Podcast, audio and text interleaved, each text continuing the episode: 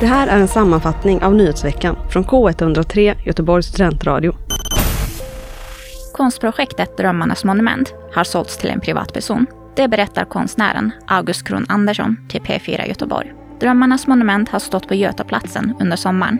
Göteborgs konstmuseum hade planer att köpa en del av konstverket för 60 000 kronor. Men inköpet fick dras tillbaka efter att en av konstnärerna målade över verket med en färg som var blandat med avföring. Verket blev nu sålt till en privatperson istället och den totala prissumman för köpet blev 2000 kronor. Under första helgen i september mellan 31 augusti till 3 september avslutar Göteborg sitt jubileumsfirande för 400 år. Helgen är fylld med massa event, både ordinarie event som Kulturkalaset som är en folkfest anordnad för alla göteborgare och jubileumsspecifika event som Jubileumsparaden som är en parad till för att hylla Göteborg. Andra event som också kommer anhållas är Göteborgsvarvet Marathon, Frihamnsdagarna, Öfesten och Gothenburg Island Festival. Norska författaren Karl Ove Knausgård tilldelas Leninpriset 2023. Priset utdelas årligen till en författare eller en konstnär som verkar i en samhällskritisk och upprorisk vänstertradition. Prissumman är 100 000 kronor. Knausgård har fäst blicken på och gestaltat sin gränslösa kamp för att bli, vara och förbli människa i en för oss alla apokalyptisk ojämlik värld. Så leder ut utdrag ur motiveringen bakom prisutdelningen på Leninprisets hemsida.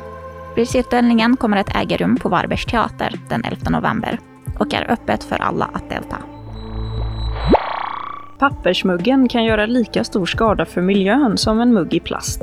Detta framkommer i en studie gjord av forskare vid Göteborgs universitet.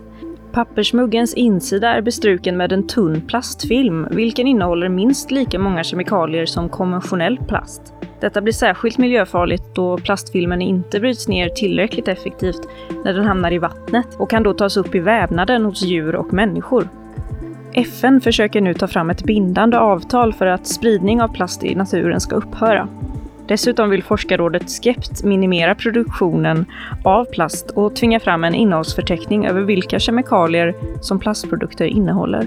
Forskarna konstaterar att det bästa alternativet till både pappersmuggar och plastmuggar är att ta med en egen mugg när du köper ditt kaffe.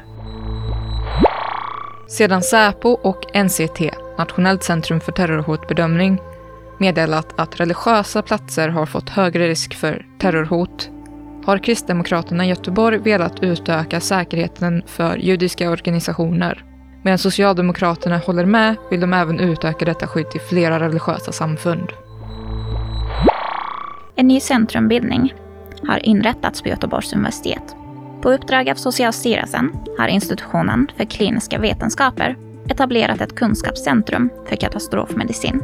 Katastrofmedicin är vetenskapen om hälso och sjukvårdsåtgärder för akut omhändertagande i samband med katastrofer. Johan Robinson, föreståndare för centrumbildningen, uppger på Göteborgs universitets hemsida att intresset för ämnet är stort bland studenter och forskare. Tipsa oss om nyheter på info.k103.se.